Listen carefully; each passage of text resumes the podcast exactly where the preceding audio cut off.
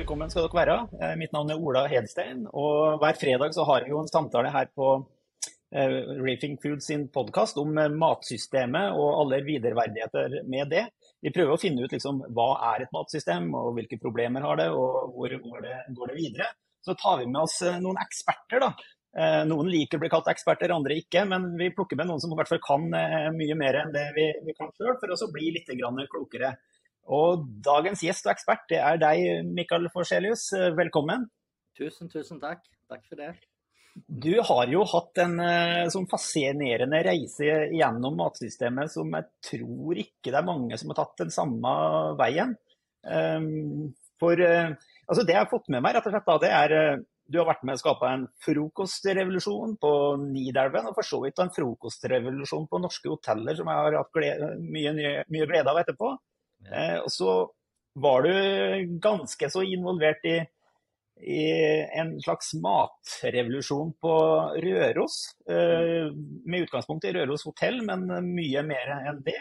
Mm. Eh, og så var det dette hotellet da, i Trondheim, Britannia og TV-serie, og liksom veldig unorsk, uvanlig mm. sånn luksusstil på det hotellet. Og fantastisk sted å være for øvrig. Jeg har vært der nylig, som du vet. Og så Nå er det 62 grader nord eh, og fortsatt hotell, men adventure i tillegg. Er det noe rød tråd i dette her, eh, denne matreisen, eh, Mikael? Ja, i mitt hode er det det. Det kan være vanskelig kanskje å se det utifrån, men i mitt hode er det det. For at eh, hela vägen har, det började ju med självklart att laga god mat och begeistra gäster genom maten som jag är kock i grund och botten.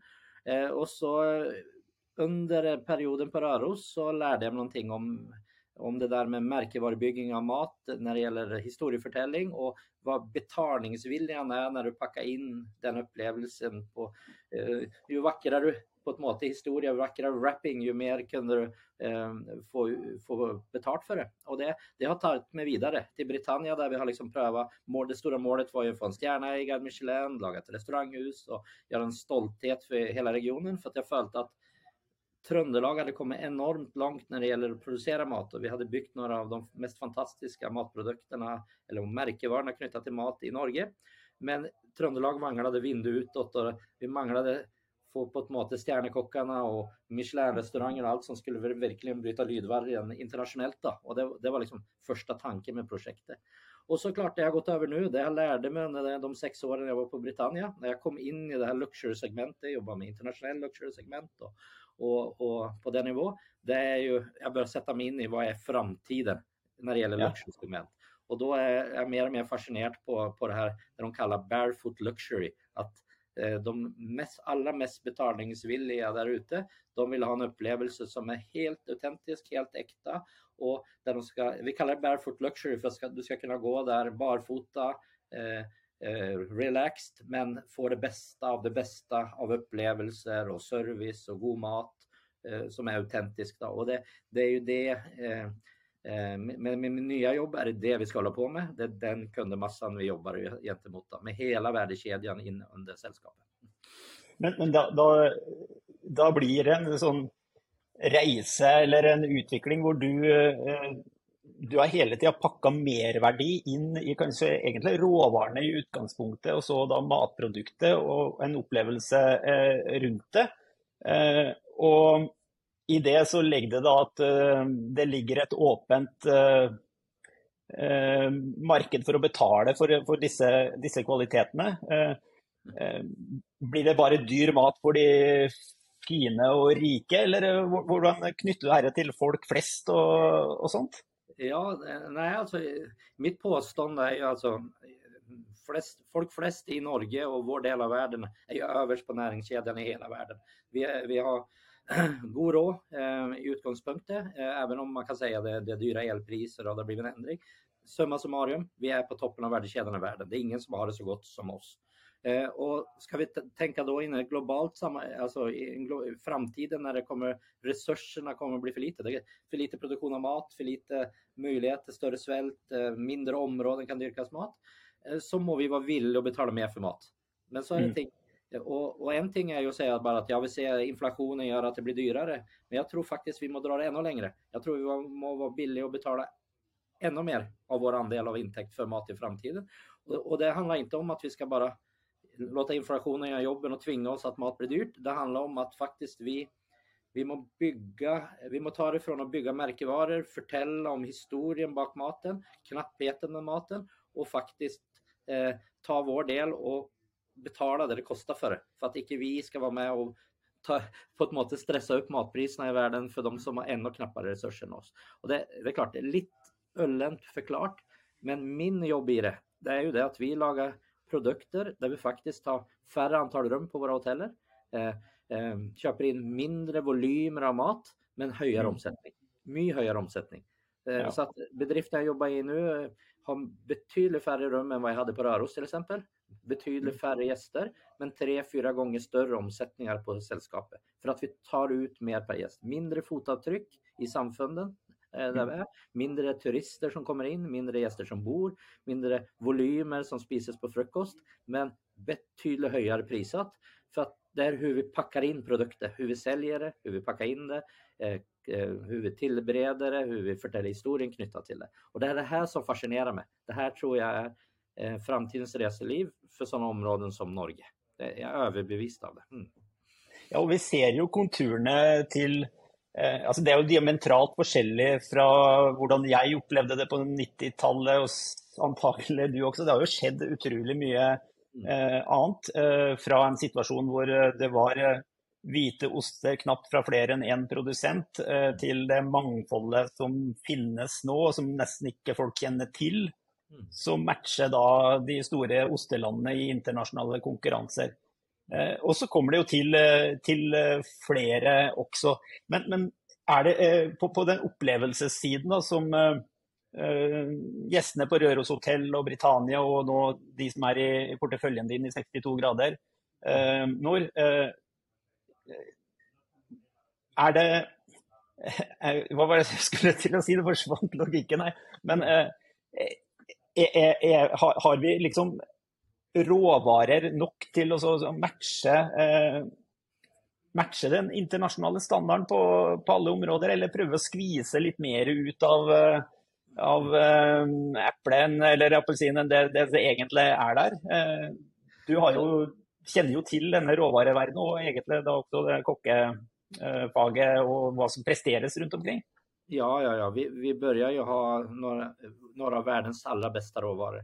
Min resa, jag kom ju till Norge 95 och kom ju från Stockholm och jobbade ju med de kockarna. Jag jobbade ju på Grand Hotel eh, på den tiden i Stockholm och Franska matsalen och de kockarna jag jobbade med då. Nej, de driver ju, flera av dem driver ju Stjärnrestauranger i Stockholm. Och när jag flyttade till Norge så var det, vad ska du göra i Norge? Är det för att tjäna pengar? Eh, liksom, resa till Norge, det var lika med att tjäna pengar. Och så, ja. så skuffla ut mat och tjäna mer pengar än vad man gjorde i Sverige. That's it. Det var liksom inte, du, du drog till London om du skulle lära någonting eller om du skulle jobba med gastronomi eller så var du kvar i Stockholm.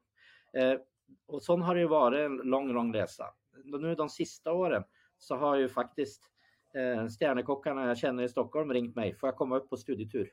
Eh, alltså, ja, jag, sänder upp, eh, eh jag sänder upp min NK nu för han må lära sig om sjökrebsen i Tröndelag, kamskällen i Tröndelag som de har hört om, om eh, och så vidare. Alltså, det är en helt annan position eh, Norge har blivit nu. Och det är ju för att vi, vi börjar få spydspetsar. Vi börjar få de här fantastiska restaurangerna som Majem och Kred och Spejlsalen och Reno och så vidare. Som, som är man kan säga det är inte volymer för folk flest. Eh, det är inte någonting eh, för eh, det är inte någonting som frekvenseras av en psykeplayer eller en lärare i Norge heller, men de kanske gör det någon gång i livet när något speciellt. Mm. Men framför allt så sätter det norsk mat på kartan.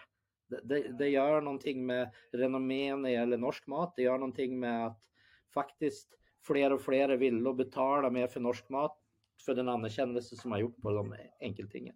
Och så har vi några fantastiska produkter som i mina ögon har banat väg. Ost har ju, har ju varit ett äventyr när vi går i ost-VM och slår eh, de länderna som har drivit på med, med, med terroir-specificitet och varumärkebeskydda ost i många hundra år nästan, inte sant? Med, eh, med alla dessa Roquefort och Brie och all, allt sånt.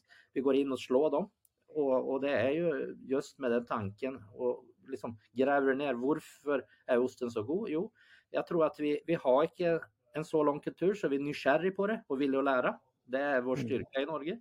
Det är nummer ett. Och nummer två, vi har ju vår terroir knyttat till mjölk som är helt outstanding. Vi har, alltså, vi har kyr som, som producerar en mjölk med en kvalitet så vi faktiskt kan slå dem på. Och, och den kombinationen, ja. det, det, har gjort att vi har gjort det. Så vi, och det är superfascinerande. Men det är ingen vits om vi inte förtäller det. För de goda märkevarorna, de handlar ju om den historia vi berättar om kvaliteten på mjölken. Eh, vad, med, vad djuren har betat eh, eh, och, och varför vi har gjort vad vi har gjort. Och så blir summan av det här, samman med utnämnelsen, märkevaran som sätts högt. Då. Och det som är effekten av det är att du kan ta ut bättre priser och sälja det till mer och det öppnar upp ögonen för norsk mat som sin till, tillträckelse resenärer som vill uppleva det på plats och få det äkta, få förtält varför, besöka ysterierna och så vidare. Och det är det här som är spännande tycker jag. Här ligger liksom guldet för min bransch. Mm. Det ligger uh, guldet för din bransch och för andra så ligger det då möjligheter med att serve det, uh, det din bransch banar väg för ja. med då unika produkter och, och märkevaror som har trovärdig kvalitet. Eh, skal ta gjerne litt mer rundt det der å, å, å bygge merkevarer. Men eh, må nesten komme inn på det, for vi, vi, holder jo på å lete etter dette bærekraftige matsystemet. og eh, For tiden så, så, pågår det et arbeid eh, med nordiske ernæringsanbefalinger som skal ta til seg bærekraft. Vi, vi konsulteres litt i, i, den prosessen. og eh, Da ender man jo nesten, uansett hvordan du prøver å gå inn i debatten, så ender man opp med en sånn kyr og dyr med fire mager, altså drøvtyggere, de er i utgangspunktet bare et problem for mange. Og det sliter jo jeg med å skjønne, for jeg syns vi må lage mat av de arealene som, som, vi har. Og det er ikke så veldig mye av dem i enkelte steder av verden, i hvert fall ikke i Norge. Men eh, hva, hva oppfatter du egentlig liksom med bærekraftig på den produksjonssiden? Altså, Mm. Eh, som, som, du formidler da ut i, i, din bransje til alle disse fine reisemagasinene. Når de spør deg om dette, hva, hva, hva beskriver du eller omtaler du som bærekraft i et, uh, norsk en, en, norsk situasjon? da? Nej, alltså det är någon tvekan. Jag är helt enig med dig att vi måste fortsätta ha en produktion för det och bärkraftig det absolut mest bärkraftiga är ju, nu kommer jag akkurat från lilla bygden Öje inne i Görensfjorden eh, som jag var i och jobbade igår. Vi har ett fantastiskt litet hotell som heter Union Öje där. Jag stod och pratade med nabon som har sålt sin mjölkkvoter nu. Eh, och ja. Hon hade tio kyr eh, kvar eh, och det gör att bygden då har två små mjölkproducenter. Nu den tredje försvinner. Från första juni så har hon slutat. Och så spör jag varför det och nej, det, det är liksom ingen vits längre. Det, det, det, går ner och ner. Och så säger jag, har, har du sålt mjölkkvoten till någon annan bygd? Nej, nej, det var ju en helt annan region där det var mer bärkraftigt. Ja. Och, och, så, så tänker jag att vi ser ju en äventyrlig växt på vårt hotell där. Alltså där nyansätter man nyansätter och vi har akkurat byggt ut för 280 miljoner på det lilla hotellet. Men vi har 280? 280 miljoner eh, och, och, vi har 38 rum bara. Och, och varför ja. investerar vi så mycket i bygda? Jo, självklart för att det uppfattar vi som framtidsturism med få rum men höga kvaliteter. Så det betyder att vi tar in få gäster till den lilla bygden varje år. Eh, icke någon volymer, icke någon cruise ship, ingenting. Små, små volymer. Aldrig mer än 60 gäster per gång också i, i säsong. Men skyhöga priser som gör att värdeskapningen är mer än någonsin. Och det de önskar är ju akkurat den mjölken. Och hur kan vi servera den mjölken och förtälla den historien att den är Dyren beta i dalförarna när vaktabygda.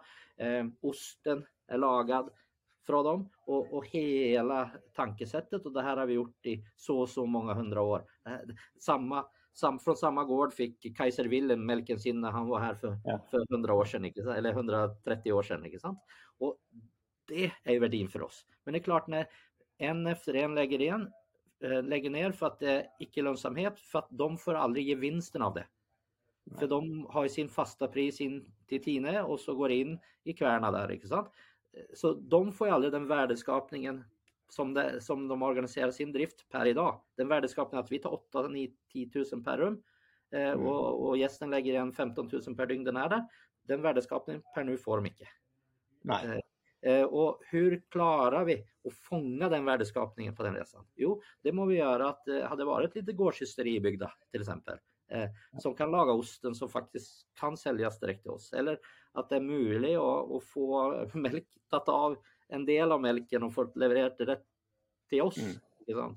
Eh, kan vi laga några sådana små minimejerier i varje bygd som är bara som mikrobryggerier som ölrevolutionen har gjort? Alltså, ja. hur klarar vi att fånga upp det? Och så tänker jag ju också, ju färre av de här, om de två andra också lägger ner i bygda så kommer ju också hela lilla Öje växa totalt igen.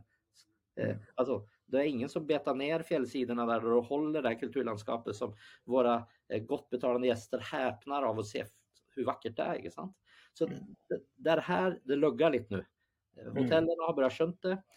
De som har hoppat på småskalig produktion har skönt det. Men hur ska vi få varenaste bygd att klara att fånga upp det här och få mm. den värdeskapningen som bygges?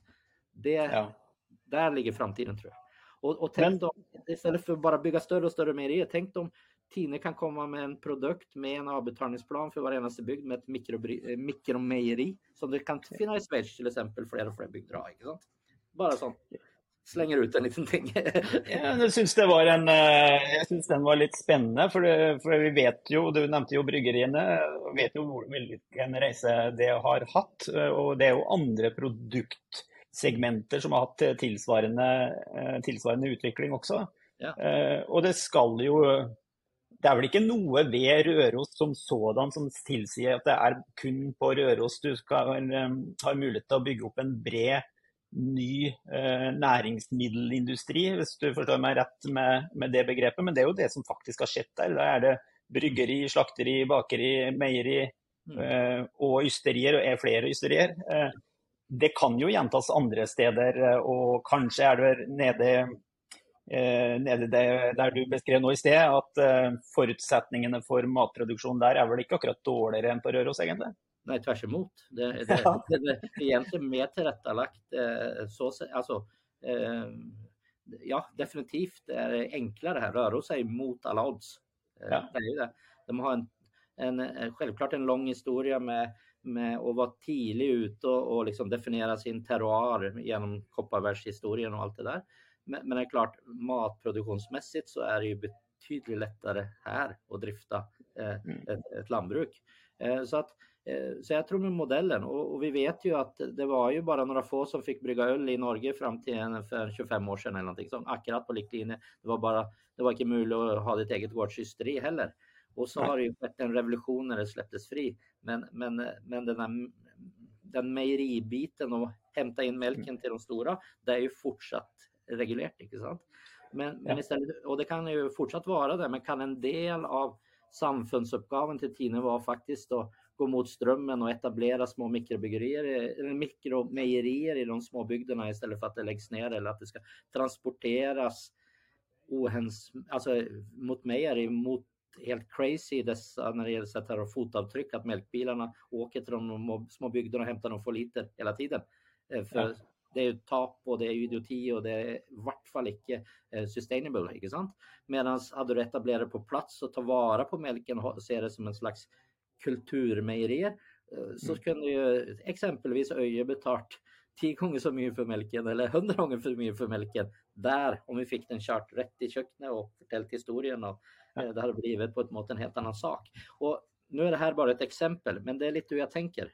Vi, och det är därför jag har valt att börja 62 grader norr också, för att jag har tro på att framtidens reseliv handlar om mindre bärkraft eller mindre fotavtryck, mer mm. bärkraftig och betydligt höjare, höjare priser för de upplevelserna vi säljer. Färre människor men högre pris. Vi har till exempel en helikopter och så kan man säga hur bärkraftigt är det med att ha helikopter och transportera gäster? ja, i mina ögon är det relativt bärkraftig när, när eh, en helikoptertur kostar så enormt mycket för så få människor eh, som gör att det ger så många ringverkningar för så många människor som vi kan hålla i arbete. Eh, så är ja. det bärkraftigt för mig. ja, visst, du, du, du, logiken din blir att eh, liksom, med det, det resekonceptet som säkert de flesta vill rätta sig upp i ryggen och reagera på, eh, men det bidrar til at man utnytter da de ressursene og får verdiskapingen lokalt til det området som har ressursene. og Derfor så bidrar det. Til tross for et sikkert litt uh, høyere utslipp enn å kjøre en buss, uh, Men så går det an å få disse helikoptrene over på andre energikilder etter hvert også. Så da blir det jo veldig bra. Självklart, eh, och det är någonting vi jobbar med varje dag. Men per dags dato så är intäkten så pass stor på det avtryck de gör och håller så många människor i arbete i de små städerna vi driver våra hoteller i. Så att det faktiskt är ett gott regnskap i mitt huvud. Mm. Och så förhoppningsvis på sikt kan de gå på både elektricitet och hydrogen och det blir en helt annan. Och vi jobbar ju också, vi har ju eh, Eh, en egen hydrogenfabrik i, i koncernen. Så det är ju den vägen vi önskar ja, att det ska gå också. Mm, mm. Mens, mens, vi drar det tilbake til dette matsystemet da, eh, og det norske i så måte. og, og det er jo, eh, all, all, matproduksjon og landbruk er jo kraftig regulert i de fleste Eh, steder i verden, om ikke overalt. Eh, og i hvert fall i Norge. Eh, men, men, det jeg hører du beskriver da, som en slags ønske eller håp om at det vil skje, uten at vi hopper ned i landbrukspolitikkens små detaljer, det er et mer differensiert norsk landbrukssystem som egentlig bygger videre på de trinnene som er tatt etter år 2000-tallet, med, med, enda mer mangfold och enda högre kvalitetsnivå. Eh, men då kanske en större uppmärksamhet på lage och, eh, lage och skaffa tillgång till marknader som sörjer för att de kvaliteterna blir eh, betalt så pass att pengarna går tillbaka till bönderna och de som har lagat produkterna. Helt riktigt. Och om, om, ingen ska kunna differentiera det, alltså om det är någon som ska kunna differentiera må ju vara vi på värde, överst på värdekedjan. Inte sant? Ja vi, vi, har egentligen inte behov för att tälla kronor på mat. Och, och, så kan folk säga att jag hade lätt att tänka han som är direktör där och har en god lön som jag är. Men ja. egentligen har vi det. Det handlar ju bara om en prioritering. Att, mm. eh, jag, är, jag, jag, är ofta, alltså jag har ju, eh, har ju ett städ i Frankrike så jag är mycket där och jag ser vilken andel de brukar på maten i Frankrike. Och jag har en dotter som är adopterad från Sörafrika så vi har varit en del i Sörafrika och det, det snackar vi 50% av intäkten din, inte sant? Och vi har 11-12 eller någonting sånt. Och så ja. är det kriser på första sidan när maten blir lite dyrare. Eh, så det, det har ju med fokus och hur vi prioriterar och jag tror i framtiden må vi omprioritera det här. Vi, vi må vara villiga att göra det och, och, och vi må också ha en stor försälj i hos oss. Vi som har råd må förhoppningsvis så blir vår omställning och vår fokus att vi är villiga att betala på mer när det är kvalitet eller när vi är på en speciell region. Men nu mm. är allt likt. Eh, och, och, och det, jag känner argumentet med allt likt om, om, om det hade varit grunden till om vi skulle svälta eller icke. Men vi är faktiskt inte där. Majoriteten i Norge är inte där. Eh, och, och, och, de gästerna vi vill ha in i Norge som ska göra minst möjligt fotavtryck men lägga igen mest möjligt pengar för att kunna hålla liv i vackra Norge de också kunna lägga in stora pengar och de må ha mm. produkterna som ger den värdeskapningen, hög värdeskapning med få fotavtryck. Och då må vi differentiera det här. Då må vi mm. istället för att bruka enorma summor på exempelvis mjölken genom att vi kom in på den, men det kan ju samma vara kött och allt sånt. Må vi hellre vända på det och säga att det handlar inte om logistik på transport. Det handlar om vad vi kan göra med de producenterna som är i den lilla dalfärre eller på det fjället eller i den lilla regionen istället för att vi ska bruka massa krafter på logistik och flytta och Tine säger att det här är gör att det är så dyrt för att vi måste flytta så mycket mjölk och vi är pliktigt göra det. Så må vända på det. Kan de vara med och etablera små enheter där vi kan ta vara på det på plats, men att den blir prisad på ett helt annat nivå. Eh, för, för där. Och det, det, men det är ju teorier och det är min styrka är ju att jag har ju icke jobba med sånt. Jag har jobbat med den andra sidan för jag ser betalningsviljan. Så jag, ja. jag säger det från teorierna från min sida, icke från den eh, det, det, det, det, är ju därför du blev så väldigt intressant att snacka med. Vi pratades ju lite uh, för, för jul här. Ja. Uh, och, och, det är ju, jag är ju vant med att jobba med, med primärledet och små, småindustri. Eh, og da sitter man jo og bare frustrerer seg over at eh, ingen betaler. Jeg var nylig på en samling med Fjellnettverket. og der satt vi og snakka om liksom alt det bra som var mulig, og at slike etterspørselsmekanismer som du er representant for, begynner å komme dit.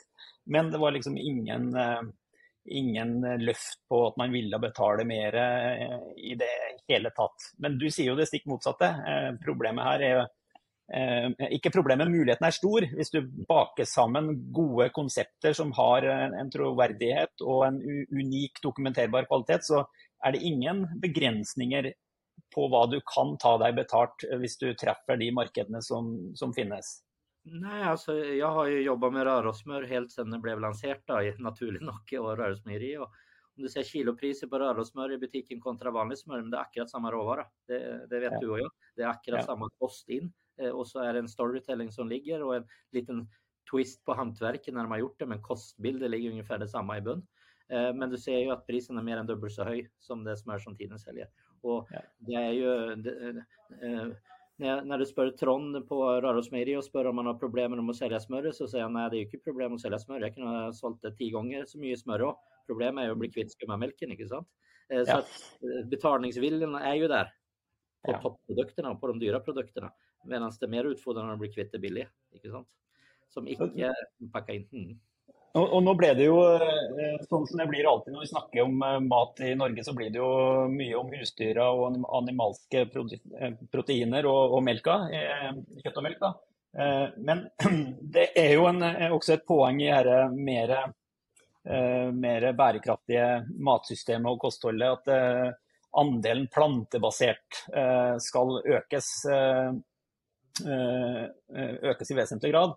Eh, og da har vi jo også noen som, som bidrar i den retningen med nyutvikling og nytenkning og litt ny organisering på både primærledd og industri. Og det er jo disse eplefolka i Hardanger med en utmerket sånn territorialforankring med beskyttelse og gode greier. Mm. Og så er det dere siderbiten da, som, som jeg også nylig kom i, i kontakt med. og så fortalte de meg at siderproduksjon har økt med liksom 20 eh, hvert år den første tida, og nå var godt over 10 økning. og den samla omsetningen som siderprodusentene begynte å ha i dette ikke helt store geografiske området Hardanger, mm. eh, passerer 100 millioner. Mm. Eh, det må jo være en, eh, som skapt for konseptet eh, yes. til 62 grader. Eh, Siderproduksjon er akkurat det det jag prövar att säga. Där är det liksom ja. praktexemplet är sidoproduktionen. Hur historiskt sett det blev bunkrade ut äpplen med satt kilopris från Bama och alla dessa. Det är summen, ja. årets sum per äpple per kilo.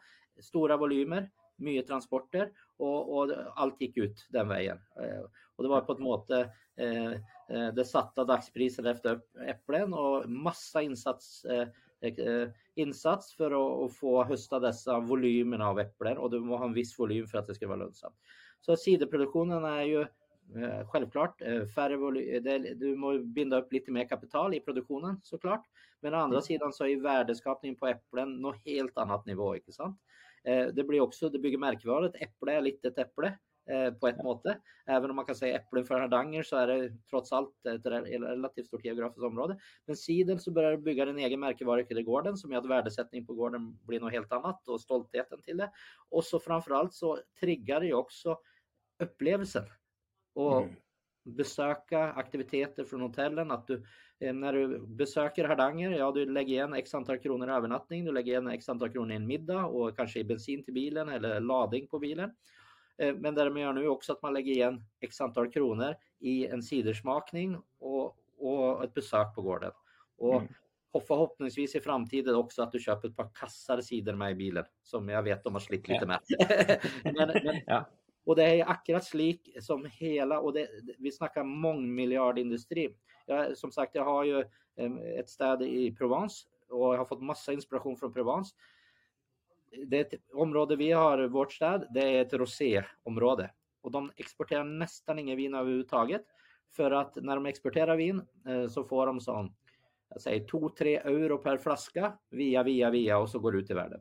När de eh, etablerar en gårdsbutik i ett turistområde som Provence är så säljer de mm. all sin produktion på gårdsbutiken och så får de 25-30 öre per flaska plus att de säljer smakingen när folk när det är där. Och då kan du tänka värdeskapningen från den mm. lilla producenten eller bonden som det är.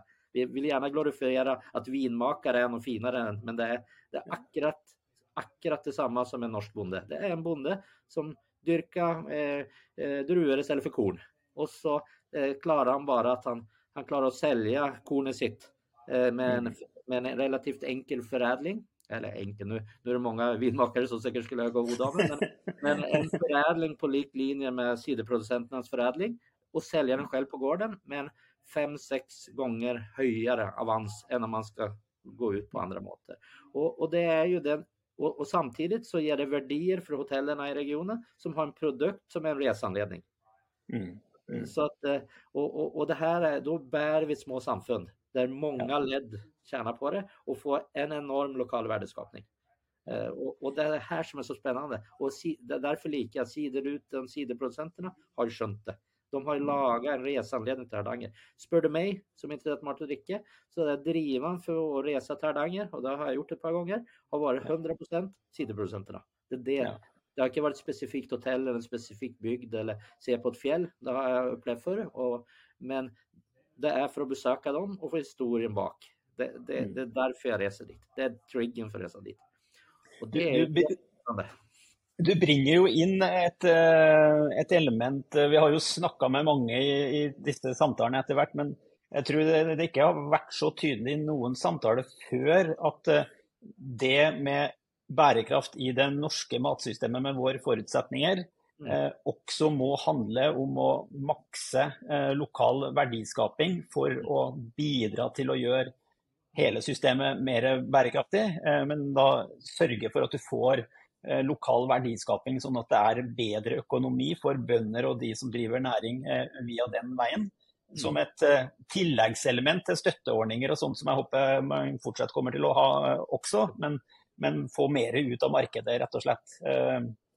Og da har du nevnt Tine, så var vi innom disse produsentene på, med sider som samarbeider. og det er vel det som oppstår, er et poäng här att uh, enstaka bönder eller enstaka eh, eh, uh, uh, ystere, eller hva det måtte være av slags produksjon, uh, som bare jobber alene, de får en, kanskje en litt vel tøff utgangspunkt. Men hvis man har produsentsamarbeid, så, eller laga nye samvirker, det kunne jo være en mulighet det også, i tillegg til de som, store som vi har fra før, så vil det åpne for muligheter til økt verdiskaping, gitt da at din tro på dette betalingsvillige markedet og evnen til å bygge merkevarer slår til. Men eh, du har jo bevist at det er mulig, så det går jo ikke an å ta ifra deg eh, poenget her. Nej, nej. Det, Röros är ett gott exempel. Jag jobbar ju totalt 15 år på Röros och det, det, det talar ju för sig själv.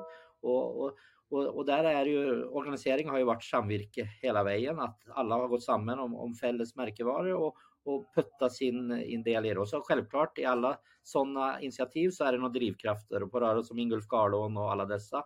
Plus att vi har jobbat tätt för reselivsnäringen och sett värdin i det. Och, mm. Eh, och det tror jag är vägen. Och det är klart att som du säger, jag liker den tanken att säga nya samvirken. För tänk, om vi tänker högt då. Exempel igen, lilla Öje i Görenfjorden eh, som hade då tre mjölkproducenter. Tänk om eh, tre mjölkproducenterna kunde etablera ett, ett fällesfjös men också ett mikromejeri för mm. att försyna eh, bygda eh, turismen och regionen med mjölk och ost exempelvis. Det, det, är en spännande tanke, inte sant? Och, ja, jag syns ju vi ska väl inte pressa de tre till att hiva sig runt och investera nu, men men, eh, men, tanken og muligheten den, den, ligger jo der, og den kan jo da realiseres på andre måter også da, enn å, å skyve, legge den utviklingsansvaret på de tre produsentene som er der. Eller nå ble det jo bare to. Ja. Eh, men det, er, eh, det du starta med å si, var at eh, erfaringene for de melkeprodusentene som er i nærheten av ditt hotell, eh, de er dårlige på økonomi. De ser ikke Eh, poenget i å investere inn i neste generasjon og videreføring. Mm. Eh, og det betyr at eh, beitemark og gressarealer der ikke blir brukt. og alternativ anvendelsesområde for de arealene som det er snakk om her, det er vel kanskje begrensa, det også? Mm, det er det. Ja. Och då är spörsmålet, kan liksom en del av det framtidens logistikutfordringar för uppgaven, till exempel till Tine, vara mm. omstillingsmedel på plats istället? Ikke sant? Er, ja. Går det mulig å omfordele en del av det kostbildet som ligger i og, og, og, og samtidig gjøre vårt grepp inn i, i bærekraft og, och, mindre fotavtryck genom det. Så, så mm. att, att, att, vi kan pålägga dem, som du säger, att det här må ni göra, det är ju inte möjligt, för det, de har ju säkert inte de ämnen att kunna investera i sådana ting. Men går att laga en mal för slika ting så att de kan få en funding av det istället mm. för att vi ska pålägga då eh, och, och bruka massa summor på eh, transporter eller nästan squeeza ut dem för att det är, det är inte bärkraften och att hämta mjölken. Inte sant? Det, ja. det, den här tankesättet som hade varit så spännande och om det är någon som ska vara en föregångsland i världen så må det ju vara Norge, världens rikaste land. Det borde ju vara det. Ja, det burde jo absolutt eh, være det. Og det er jo et, sånn, eh, et dilemma for, eh, for oss som, som prøver å, gi råd eller ha meninger om, om, hvordan du får bærekraft i det norske matsystemet. For et av grunnlagene som i hvert fall vi legger inn, det er jo at vi må jo utnytte de jordbruksarealene vi har. Vi kan ikke, som de rikeste i verden, gjøre oss enda mer avhengig av arealer på andre kontinenter. Eh, så, så, det ligger et slags moralsk ansvar i det. Og matsuverenitet er jo noe som kommer til aktelse som problemstilling, eh, det også. Mm. Eh, men det er jo ikke sånn at dagens økonomiske systemer for største, størsteparten av volumet er liksom innretta mot at den utviklingen skal skje. Så det må jo komme en tvist her i forhold til eh, att at det blir mer lønnsomt å gjøre riktige ting og mindre lønnsomt å gjøre feil ting. Och og eh, selv om vi har bra kvalitet på nesten all mat i, i Norge, så er det jo ikke sånn at, all, eh, at, vi bør fortsette å produsere maten på den samme måten i, i all framtid. Den må bli mer bærekraftig, den òg. Og den største utfordringen ligger jo da til, til de her områdene som er Eh, på fjellet, veldig marginalt. Eh, og så er det i dalområder hvor det blir eh, lite komparative fordeler på, på volumsproduksjon. Og da er vi igjen tilbake da, til kan vi ta ut mer på kvaliteten og differensiere kvaliteten. Og gi rom for differensiert kvalitet da, innen den landbrukspolitikken vi har, som tross alt har vært ganske lik siden 60-tallet. Helt klart. Helt klart. Jeg er helt enig. Og, og det er klart at om vi tar den uh, utfordringen med, med kyr till exempel när det gäller i miljösynpunkt. Då. Det är en diskussion att det inte är miljöriktigt och det är utsläpp och allt knyttat till det. Men, men klart dyr som delvis, uh, hel eller delvis kan uh, gå på utmark eller i områden, ja. de här dalförarna eller fjällområdena fotavtrycket på dem är ju minimalt miljömässigt. Det är bara positiva sidor på den typen av produktion. Och, mm. och, det är klart, och så kan man säga att då är det ju lönsamheten och, och transporten ut som är utfordringen, men då må vi hålla det genom att eh, försyna de områdena det är där, men också försyna de tillresande till de områdena, men också vara en drivkraft för att man ska besöka de områdena i turistsammanhang. Då. Så det är ju det här hjulet, inte sant? Eh, det är det som är så spännande i det här. Och jag hoppas verkligen det läggs till rätta för framtiden i, i, i norsk lantbruk, att man tar hänsyn till akkurat det här. Alltså. Det hoppas jag verkligen. Mm. Det syns jag var ett eh, gott eh, slutpoäng uh, dig uh, Mikael. Nå har vi overskredet den tida som vi setter av, men det er helt vanlig. Jeg pleier alltid å gjøre det. men, men, jeg har lyst til å slutte litt med, med, med din nye jobb i 62 grader nord. nord. Um, og rett og slett tas med på en liten reise på hvilke type steder og hvilke hoteller er det du nå eh, skal eh, utvikle til å skape et marked eh, for nettopp den type produksjon som vi har snakka mye om gjennom podkasten. Ja. Så litt, litt, markedsføring for 62 grader tar vi på slutten her. Så hyggelig. Nei, jeg nevnte jo det ene hotellet i, i på en måte diskusjonen, og det er jo uh, hotell Øye, eller Union Øye. Uh, som ligger inne i Jörensfjorden. Hotell Union Öje är ett hotell som etablerades redan 1891, kallas bara Fjordslottet. Ett fantastiskt litet bygg. Och det är igen, bärkraftelementet är att det är ett bygg som har stått där sedan 1891 och som vi har brukt stora resurser för att tillrättalägga för framtidens miljölösningar med, med, med bruk va, eh, temperatur med vatten från fjorden och ta fem grader ut av den och alla dessa moderniteter in i ett bygg eh, istället för att bygga nytt. Då. Och mm. är en fantastisk liten pärla. Så det, det jobbar vi med att utveckla och samtidigt så prövar vi att utveckla hela bygda där då. Så vi gick från att vara ett säsongshotell med mycket säsongsansatta men få fasta bosättningar till att vi nu har etablerat helårshotell eh, eh som har gjort att det är 16 fler fasta bos, bosatta i Lilla Öje. Och mm. med tanke på att det bor eh, cirka 40 ansatta i bygda så är ju det här en enorm växt på grund av det etablering som är gjort. Så har vi hotell eh, Storfjord i Glomset samma där, ett, ett fantastiskt hotell med vacker utsikt över, över Storfjorden. Bara 30 rum. Men i fjol hade hotellet 47 miljoner netto i omsättning på bara 30 rum. Och det visar lite hur, hur ett litet fotavtryck, få gäster, men stora, stora värdeskaping i en så liten bygd som Glomset. Och så eh, sista är ju Hotell Brosunde här i, i Ålesund eh, Eh, som är ett större hotell, 130 rum och flera restaurangkoncept och är byggt i, i, i två av de gamla magasinerna i, rätt vid Brosunde med rätt på kaja på ett måte. Eh, historiska bygg, vackert bygg eh, och eh, tegnad, eh, all interiör och all eh, under renoveringen som var gjort för en del år sedan så är det Snöhetta som har tecknat med naturliga material och helträ och inte några laminater om vi säger så. Eh, och där vi jobbar mycket med, med fiskfrött för att här i Stora hav utanför Ålesund. Och så driver vi något som heter en adventure-delen. Eh, det är ett sällskap som heter Fjord Nature som är en del av oss som driver med, med samma sak, guiding av grupper på kajak, på cykel, på eh, randonnéski och så vidare. Sån, aktiviteter där vi eh, på ett måte prisar oss eh, relativt högt men det är guidingen som är liksom effekten utav av, av sån lavtärskel, utgångspunkten lavtärskelaktiviteter men in, inpackning gör att vi får ut mycket på det.